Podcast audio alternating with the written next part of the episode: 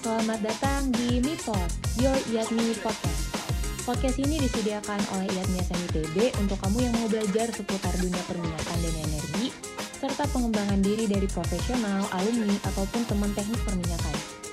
IATMI SMITB adalah organisasi seksi mahasiswa dari Ikatan Ahli Teknik Perminyakan Indonesia untuk mahasiswa ITB, di mana di sini IATMI SMITB memberikan kamu pelatihan soft skill dan hard skill untuk siap menjalani dunia kerja nantinya. Di podcast kali ini bersama Bang Khalid dan saya Tiara akan membahas mengenai digitalisasi di industri minyak dan gas. Enjoy the podcast!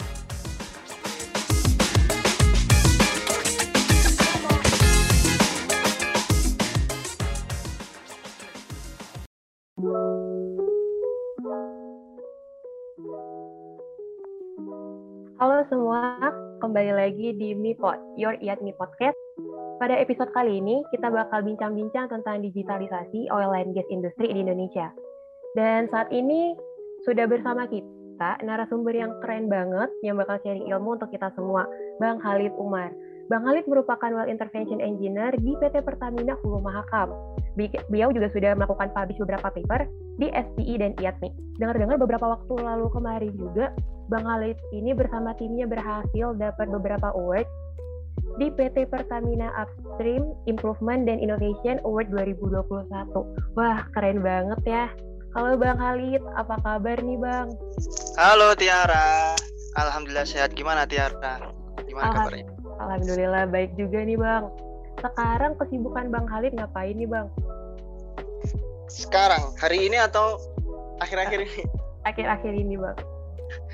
ya, uh, akhir-akhir ini sih jadi tadi benar ya yang dibilang sama Tiara jadi di Pertamina kita lagi kemarin alhamdulillah juara di UIA PHM itu dapat juara best of the best dan tim saya itu dapat best iProof salah satunya itu Upstream Innovation dan Improvement Award itu sih kita next stepnya adalah kita mau persiapan ke EPQA itu Improvement Innovation Event ya untuk satu persero. Jadi kalau UI itu untuk upstream, tetap holding upstream aja yang hulu. Yang EPQ itu untuk yang satu persero. Jadi nanti lawannya ke jasa shipping, refinery dan lain-lain. Dan itu aku juga lagi nyiapin ini untuk ke present juga di salah satu event SPI juga. Wah, itu sih Tiara. Uh, keren banget ya bang dan semoga dilancarkan ya bang segala kegiatannya Nah, kali Amin, terima kasih Tiara. Kali lagi selamat datang nih Bang di Mipot. Nah, sekarang pengen nanya-nanya dikit dong Bang terkait topik kita kali ini. Mungkin dimulai dari pengalaman Bang Khalid dalam industri oil and gas, uh, kayak perjalanan bisa masuk oil and gas industri gitu Bang. Dan juga pengalaman Abang nih terkait digitalisasi industri oil and gas. Dan untuk teman-teman, boleh banget nih dicatat poin-poin penting yang bakal disampaikan Bang Khalid. Oke, siap Tiara. Sebelumnya terima kasih buat Tiara dan teman-teman IATMI yang sudah mengundang saya.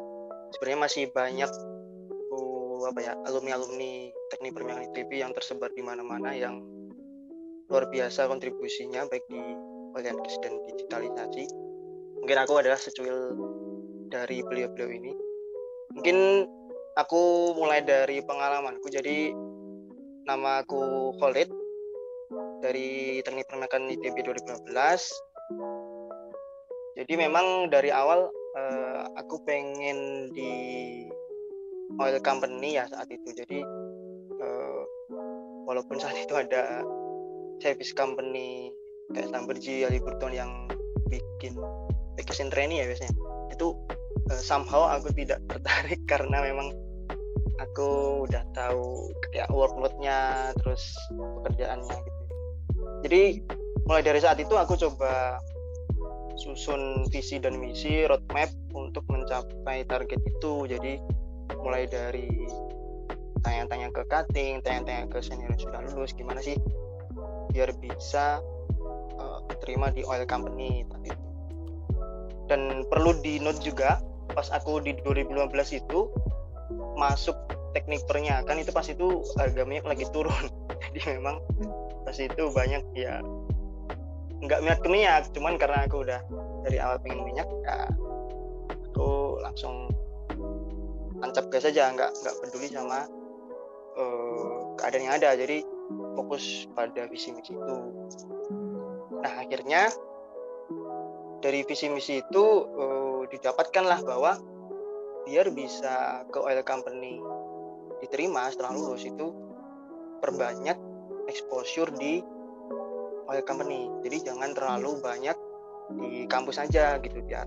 Jadi uh, jangan terlalu fokus ke ke kuliah aja. Jadi gini maksudnya adalah di kerja praktek di field trip itu sebisa mungkin uh, dibanyakin gitulah ke sananya. Tempat ada gurawan dari teman-temanku Khalid ini adalah peserta field trip terbanyak se seangkatan saat itu. Karena misal IHATMI atau SPI ngadain field trip pas itu kan masih offline ya. Jadi ke Lamberjee Base terus ke Halliburton Base ke ke Pertamina mana Pertamina mana itu aku selalu ikut. Jadi walaupun ada kuliah kan itu biasanya di waktu kuliah kan ya di arah ya? Iya oh. nabrakan ya biasanya nabrak waktu kuliah. Cuman pas itu aku tetap ikut itu field trip. Karena memang dari situ aku tahu wah ini exposure ke lapangan lebih awal itu akan uh, memiliki benefit gitu. akhirnya field trip banyak.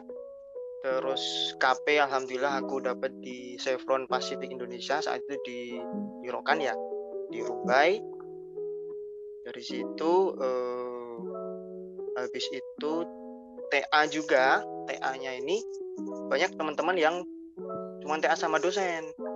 Walaupun itu bagus cuman balik lagi ke pernyataanku tadi semakin banyak exposure ke oil company itu akan semakin memiliki benefit. Akhirnya aku TA di Medco pas itu buka uh, Medco INP Natuna ya.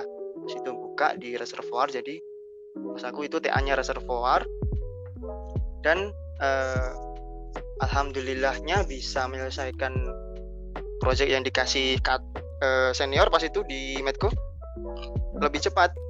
Jadi aku bantu-bantu beliau juga. Akhirnya sebelum lulus pun uh, sempat ditawari untuk lanjut juga ke sana gitu. Cuman akhirnya ada bukaan di Pertamina Lumakam terus aku daftar juga alhamdulillah keterima. Jadi memang pas itu sebelum lulus di Juni itu alhamdulillah beberapa aku dan beberapa temanku sudah keterima di PHM jadi ke PHM dulu Juni habis itu Juli wisuda terus balik lagi ke PHM seperti itu. Sampai pas itu masih training jadi di PHM itu programnya nama Drilling and Wells Intervention Training. Jadi yang dilakukan selama enam bulan itu kita muter-muter rig. Jadi di rignya PHM eh, di swam swam rignya kita jadi di sana jadi jadi kru jadi kru rig. Jadi kita benar-benar tahu alat-alatnya mulai dari kalau teman-teman sempat dengar itu Prostabot, Roughneck, nah itu kita jadi kru itu. Jadi kita benar-benar tahu di situ alat-alatnya sampai uh, kita jadi driller. Nah dari situ enam bulan pendidikan udah, habis itu penempatan. Aku penempatan dapat ke well intervention engineer di offshore aset. Jadi ada offshore dan delta kalau di kalau di Mahakam dan aku dapatnya yang di offshore. Sampai dua tahun sampai sekarang. Nah, eh, spesialnya kalau di PHM itu tadi sempat kita diskusi juga ya.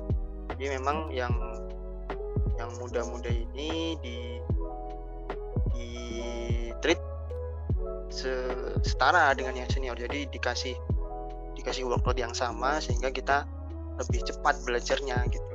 Dan alhamdulillah selama dua tahun bisa mencapai mencapai achievement achievement yang yang baik gitu ya. Hmm. seperti itu sih. Ya. itu Tiara oh berarti untuk mencapai juga posisi yang sekarang itu perlu juga ya usaha yang keras. Kalau dilihat tadi yang dari abang ceritain tuh emang butuh perjalanan yang cukup panjang ya bang? Untuk mencapai posisi yang sekarang gitu. Iya sih memang uh, harus yang tadi aku bilang uh, coba cari exposure sebanyak-banyaknya di oil company gitu ya.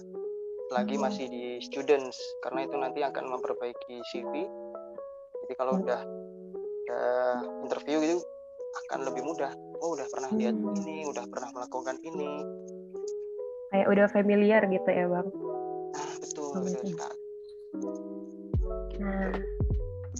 Ah hebat banget sih bang Halid ya nah kita lanjut nih ya bang bicara tentang digitalisasi nih bang menurut bang. Halid kenapa sih digitalisasi itu diperlukan dalam industri migas? Oke, digitalisasi ya. Iya. Nah, sebenarnya uh, kalau kita boleh bilang ya, migas itu salah satu dari bidang bidang pekerjaan yang memiliki advance teknologi di situ. Jadi udah dari dulu kita mengenal digitalisasi. Karena memang kan hmm. kita coba menerawang sesuatu yang tidak terlihat kan ya? Iya. yang ada di bawah sana. Dan itu udah pakai sensor-sensor uh, untuk coba menerawang mana sih reserve-reserve yang ada di bawah sana. Jadi memang teknologi digital itu tidak asing di migas dan itu udah ada dari dulu. Tapi memang uh, di akhir-akhir ini perkembangannya semakin pesat apalagi ketika kita menghadapi COVID kemarin. Hmm. Jadi kalau boleh cerita nih pas COVID dua tahun yang lalu, sorry dua tahun satu tahun, dua tahun yang lalu. Tahun, ya. Nah itu saat itu di aku cerita di PHM ya saat itu belum ada MS Team. Jadi kalau hmm. meeting itu biasanya pakai satu office phone desk, cuman itu ya. bisa bisa mengundang beberapa orang gitu kan ya mm-hmm. gitu nah eh, apalagi di well intervention ini bars dan rig itu jalannya 24 jam jadi apa-apa harus real time gitu jadi mm-hmm. operasi yang di sana itu harus uh, benar-benar bisa dimonitor dari orang-orang engineer yang ada di kota jadi buat gambaran aja kalau intervention dan drilling itu ada rig dan supervisor yang di lapangan dan ada engineer yang di kota. Jadi engineer inilah yang bikin program untuk dilakukan oleh rig dan disupervise oleh supervisor atau company man. Nah, pas saat itu kita komunikasi itu hanya by by phone ya, by phone gitu. Cuman dengan adanya COVID itu yang ada MS Team Zoom itu yang iya. Itu bisa bisa lebih mengakselerate komunikasi. Jadi hmm. yang awalnya cuma by phone bisa gambar juga. Jadi presentasi atau pumping pumping display. Jadi kalau misal drilling atau intervention itu kan misal ada ada pekerjaan drilling kan ada parameter-parameter yang real time ya. Kayak gitu. Iya. ada real time pas pumping juga itu ada real time itu bisa langsung terdisplay itu di komputer. Jadi yang awalnya itu nggak nggak pernah ada di sebelum covid tapi setelah covid itu kita bahkan bisa sambil makan bisa lihat progres drilling kita di rig. Itu yang bikin covid ini memang uh, mempercepat digitalisasi di oil and gas.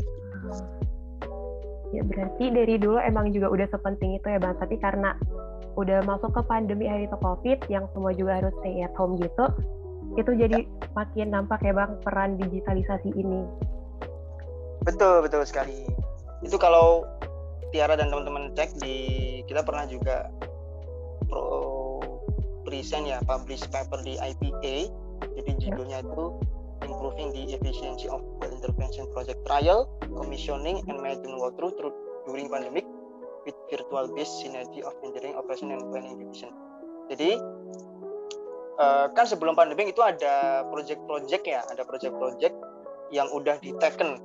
Oke, okay, bulan depan harus jalan. Cuman karena ada pandemi kita nggak bisa witness nih uh, commissioning commissioning terus uh, ngecek ngecek barangnya tuh nggak bisa witness karena kan nggak boleh perjalanannya. Iya. Akhirnya saat itu kita propose untuk oke okay deh, yang service company ini coba videokan semua secara real time. Saat itu juga kita bisa cek di situ. Apa yang kamu tes bagaimana tesnya hasilnya gimana. Dan alhamdulillah ternyata dengan itu uh, hasil yang diberikan dari proses ini ternyata bagus juga. Uh, project terdeliver dengan baik safety nggak ada concern juga. Dan itu cost efisiensinya bagus juga karena kan nggak ada nggak ada nggak ada transport ke sana.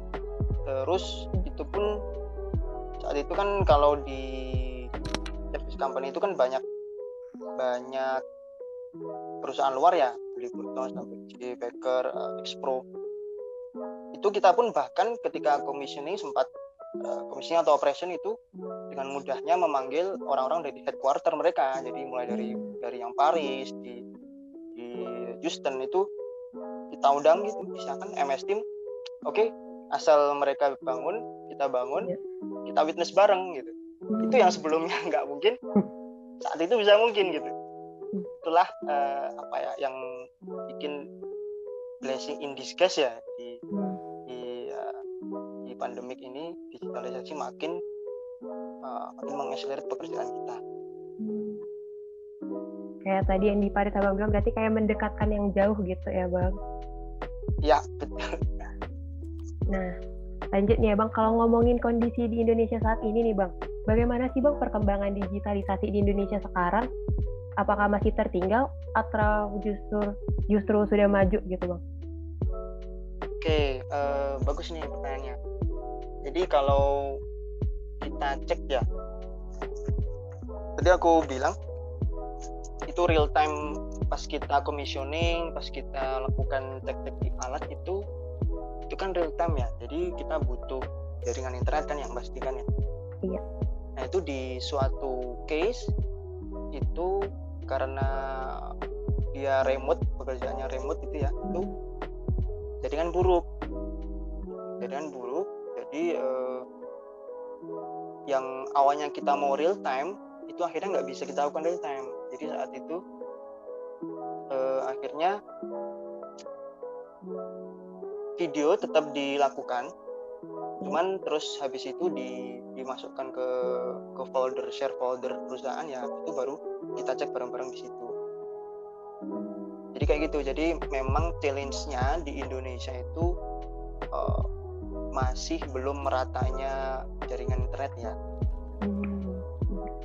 Kalau itu challenge yang utama sih challenge yang lain sih aku rasa karena memang tadi aku sudah sempat sampaikan juga jadi kalau digitalisasi ini uh, possible dilakukan sangat possible dilakukan di perusahaan-perusahaan dengan operasi yang masif karena kan memang di situ deal dengan data yang banyak sehingga dari itu hmm. bisa dilakukan AI ya untuk uh, untuk me mengefisienkan pekerjaan. Cuman kalau di di lapangan-lapangan yang kecil yang cuma satu sumur berapa datanya cuma dikit itu akan susah juga sih hmm. kayak gitu dia berarti kayak terkendala khususnya di bagian remote area gitu ya bang betul ya mungkin kalau di luar negeri kan uh, jaringan internet udah udah merata seluruh negeri ya jadi kalau mau hmm. melakukan pekerjaan kapan pun di mana pun itu bisa secara real time dilihat itu bisa sangat mungkin kalau di kita mungkin ada beberapa wilayah yang belum bisa real time secara bagus gitu. Uh, saya juga pernah baca nih bang mengenai pemerintah itu uh, ada mencanangkan program Making Indonesia 4.0 ya di mana kan berarti pemerintah juga serius itu bang untuk mengubah Indonesia menjadi lebih melek digital gitu kan bang hmm. itu uh, menurut abang sendiri itu udah uh, perubahan Indonesia gitu bang uh, mengenai digitalisasi ada nggak bang hubungannya sama upaya pemerintah ini sendiri? Hubungan ke pemerintah upaya pemerintah ya?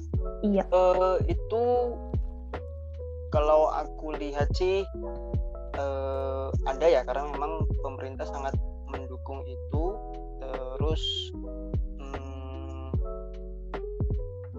aku melihat di ketika melakukan ketika kita karena karena PHM itu cost recovery ya jadi apa yang mau kita lakukan itu harus persetujuan SKK misalkan SKK kan dalam hal ini pemerintah ya dan itu ya. apa pun uh, proposal kita untuk pekerjaan yang itu mendukung efisiensi dalam hal ini kita digitalisasi kan banyak juga propose ke SKK ya itu ya. uh, mudah gitu ternyata dan memang jadi memang uh, instruksi dari pemerintah untuk melakukan digitalisasi itu uh, memang sampai ke ke OLNG juga.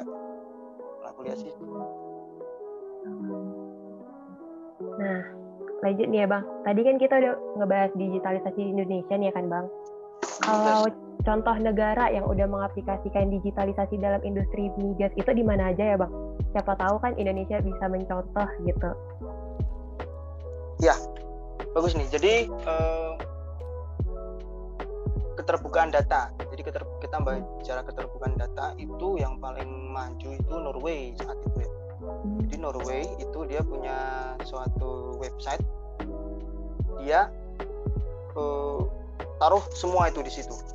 Seismic data terus eh, data-data sumur di di di negara mereka itu ditaruh situ semua. Jadi dan itu free ya itu gratis diakses hmm. oleh semua orang.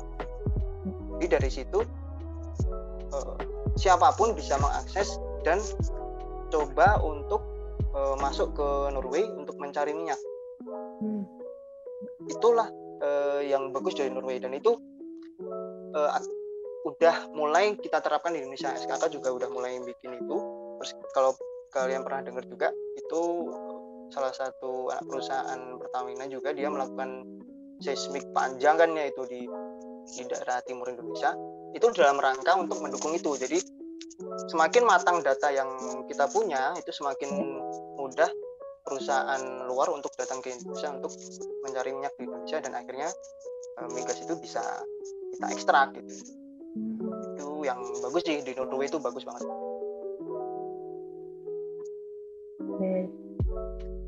Masalah mematangkan data berarti tadi ya bang dan contohnya itu tadi Norway. Nah ya. lanjut lagi nih bang. Kan banyak ya isu tentang ini bang. Uh, digitalisasi itu akan membuat prospek kerja di Indonesia eh di petroleum engineer engineering itu berkurang karena tergantikannya manusia oleh mesin. Itu menurut abang gimana tuh bang? uh, kalau menurutku sih itu bisa dibilang gitu juga ya karena memang um, itu akan membantu pekerjaan kita kalau yang kita sudah diskusikan tadi ya berarti dengan adanya digitalisasi itu mempermudah kita uh, melakukan efisiensi baik dari segi cost juga safety juga tetap bagus. Yang mungkin perlu diasah adalah kemampuan kita. Jadi bagaimana cara membuat robot-robot uh, ini itu bisa mempermudah pekerjaan kita. Kalau aku lihat sih itu sama sekali nggak bikin uh, berkurang ya. Itu malah hmm, kalau aku melihat secara future future prospek itu mem, harus dijadikan bahan untuk uh, students petroleum student di seluruh Indonesia untuk uh, bisa belajar lebih ke digital maupun uh, apakah itu tentang computing atau tentang tentang uh, digital yang lain itu harus dipelajari secara lebih awal di kampus sehingga nantinya kalau udah udah sampai ke dunia dunia aslinya itu bisa langsung tune in gitu. Itu aku tidak melihat sih itu akan mengganti manusia. Itu malah mempermudah manusia. Oh berarti dari digitalisasi industri ini bang bukan semata-mata menggunakan teknologi untuk menggantikan tenaga manusia gitu ya bang, tapi lebih kepada bagaimana caranya agar industri ini bisa menciptakan sistem otomatis dan terintegrasi satu dengan yang lainnya untuk memudahkan manusia gitu ya bang. Betul betul. Walaupun memang uh, ada di beberapa case ya kayak di drilling rig itu uh, namanya cyber rig. Coba kalian coba cek. Cyber rig itu jadi yang ada di uh, drilling floor di rig floor itu uh, si driller dia cuman pakai konsol gitu. Jadi kayak main main apa ya kalau konsol itu? Kayak main PS lah. Jadi dia masang pipa terus ngebornya itu cuman dari jarak jauh. Itu uh, mungkin salah satu bisa jadi salah satu juga ya salah satu contoh itu mengefisiensi mengefisiensikan. Jadi kru rig itu tetap ada di situ. Jadi in case ada failure di di di mekanisme robotnya itu tetap ada di situ. E, positifnya adalah itu bisa membuat safety lebih bagus. Karena kan e, exposure manusia ke alat-alat yang sangat berbahaya ini akan berkurang kan ya? Karena dia bisa bisa melalui remote. Jadi tetap manusia tetap ada di situ tapi sekali lagi itu untuk mempermudah dan membuat efisiensi baik secara kos maupun secara safety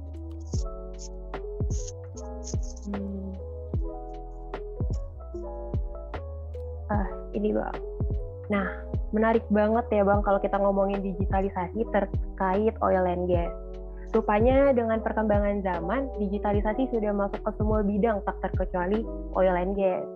Mungkin uh, ini sih bang, ada nggak uh, pesan dan kesan eh pesan Bang Halid buat pendengar, khususnya mahasiswa yang ingin berkecimpung di digitalisasi migas, mungkin sekalian tips and trick nih Bang, ya untuk yang selama kuliah. Untuk mahasiswa gitu Bang. Oke, siap. Tips and trick ya. Ya, uh, jadi memang di di Pertamina sendiri ya itu AI itu sudah mulai dilakukan khususnya buat uh, field-field yang memiliki operasi yang masif kayak di Rokan dan Mahakam. Karena operasi masif ini data banyak sehingga data itu yang banyak itu bisa di dilakukan diimplementasikan AI di situ sehingga pekerjaan kita akan lebih presisi misal kayak di Rokan itu untuk dia memilih memilih infill well untuk drilling pemilihan drilling well yang baru itu dia pakai AI juga. Kemudian di Mahakam juga dia untuk oh, mendeteksi shallow gas. Jadi shallow gas ini shallow gas itu gas yang yang dangkal di Mahakam tuh banyak itu juga pakai uh, eh, AI juga. Jadi dari situ mungkin ke depan itu Indonesia kan udah mature ya. Di Indonesia mature lapangannya tua tapi kita dituntut tetap bisa memproduksikan itu secara ekonomis. Caranya gimana? Caranya dengan uh, mengefisiensikan waktu dan biaya. Dan itu hmm. tidak lain dan tidak bukan harus dengan uh, advance teknologi salah satunya AI ini. Karena kan ketika kita punya data yang banyak kita bisa implementasikan AI di situ akan lebih presisi. Kalau presisi kan berarti probability suksesnya akan lebih besar kan ya? Dari situ kan berarti secara ekonomi itu lebih lebih acceptable. Nah berarti pesanku buat teman-teman yang masih student itu oh, diperdalam lagi tentang AI ini tentang komputernya tentang computing tentang bahasa pemrograman. Ya. apakah itu Python apakah itu C++ Fortran terus uh, software-software kayak di Petrel terus Gap itu perbanyak dan uh, coba belajar itu lebih awal. Jadi karena memang di di aktual oil and gas industry sekarang itu eh, teman-teman ini dituntut langsung mampu tune in gitu ya. Jadi nggak ada waktu banyak karena memang kembali lagi ke aku yang bilang tadi. Jadi ini udah mature kita nggak perlu kita kita nggak ada waktu lama lagi untuk eh, nggak uh, sorry kita nggak memiliki waktu banyak untuk bisa membuat feedback ini ekonomis gitu ya. Jadi kemampuan-kemampuan teman-teman yang muda yang digital thinkingnya ini udah bagus itu akan sangat berguna buat perusahaan-perusahaan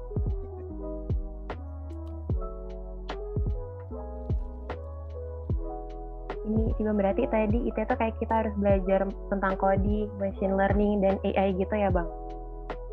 Iya betul itu. Kalau dari abang nih kira-kira belajarnya dari mana ya bang untuk belajarin itu semua? Dan cara menghubungkannya ke case-case perminyakan itu seperti apa bang?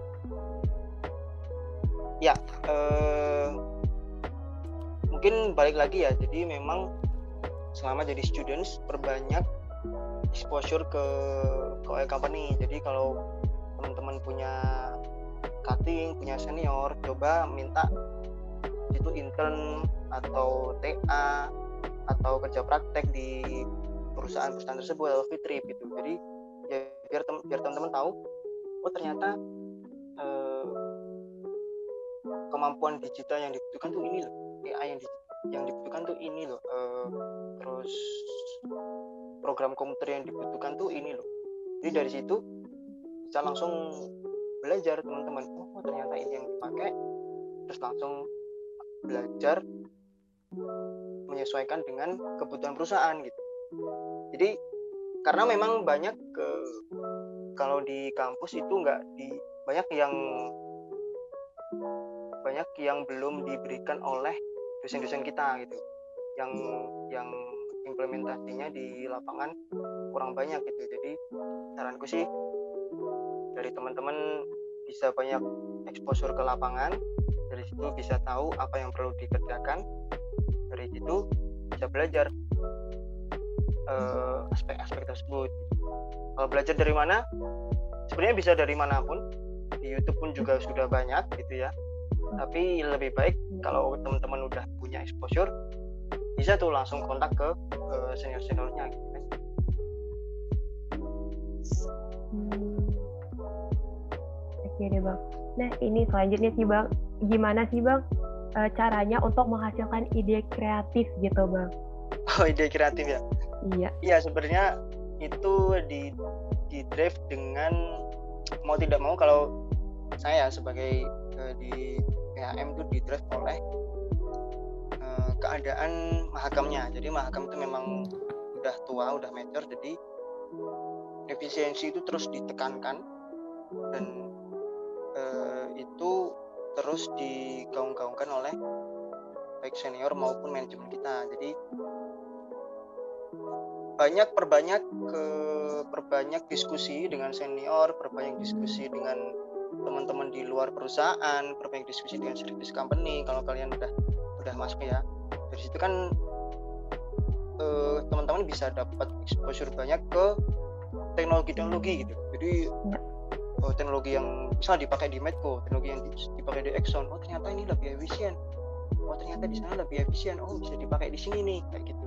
Nah itu mungkin satu salah satu keuntungan kalau teman-teman ikut uh, ke event-event SPI, IATMI, paper gitu ya jadi dari situ teman-teman bisa kenal banyak orang bisa bisa punya akses ke banyak ke latest teknologi gitu ya dari situ siapa tahu teknologi-teknologi itu bisa dibawa ke perusahaan-perusahaan tempat teman teman-teman bekerja bisa mengefisiensikan pekerjaan itu.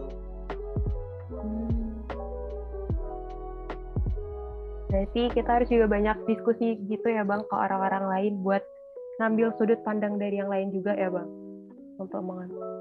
Betul betul knowledge sharing itu. Iya. Uh, kita sebagai kalau aku ya kalau sebagai insan itu jangan pernah malu untuk uh, bertanya gitu. Jadi hmm. siapa pun ditanyain kalau aku. Jadi mau itu service company, senior, bahkan junior, pokoknya jangan malu bertanya karena uh, efisiensi itu sangat dibutuhkan nanti kalau teman-teman udah masuk ke uh, field oil field ya. Karena memang Indonesia itu udah mature dan aku yakin itu pasti dituntut dari teman-teman. Uh, gak terasa nih bang kita ada di penghujung acara. Dan uh, sebuah informasi yang Bang Khalid berikan itu Semoga bisa bermanfaat untuk semuanya. Jadi aku mau ngucapin terima kasih banyak nih Bang untuk Bang Khalid. Uh, sekali lagi mau ucapin terima kasih sebesar-besarnya buat Bang Khalid lagi nih karena udah nyempetin waktunya buat sharing-sharing bareng kami di sini. Semoga informasi yang udah Bang Khalid share bisa bermanfaat untuk semua pendengar podcast ini nantinya. Dan good luck untuk Bang Khalid di next competitionnya ya Bang. Amin. Terima kasih Tiara dan teman-teman IATMI dan ITB semua semoga apa yang kita diskusikan ini bisa bermanfaat bagi teman-teman semua. Iya, sama-sama. Nah, itu dia teman-teman podcast kita terkait digitalisasi di industri migas Indonesia. Semoga podcast ini bermanfaat. Sampai jumpa di lain kesempatan.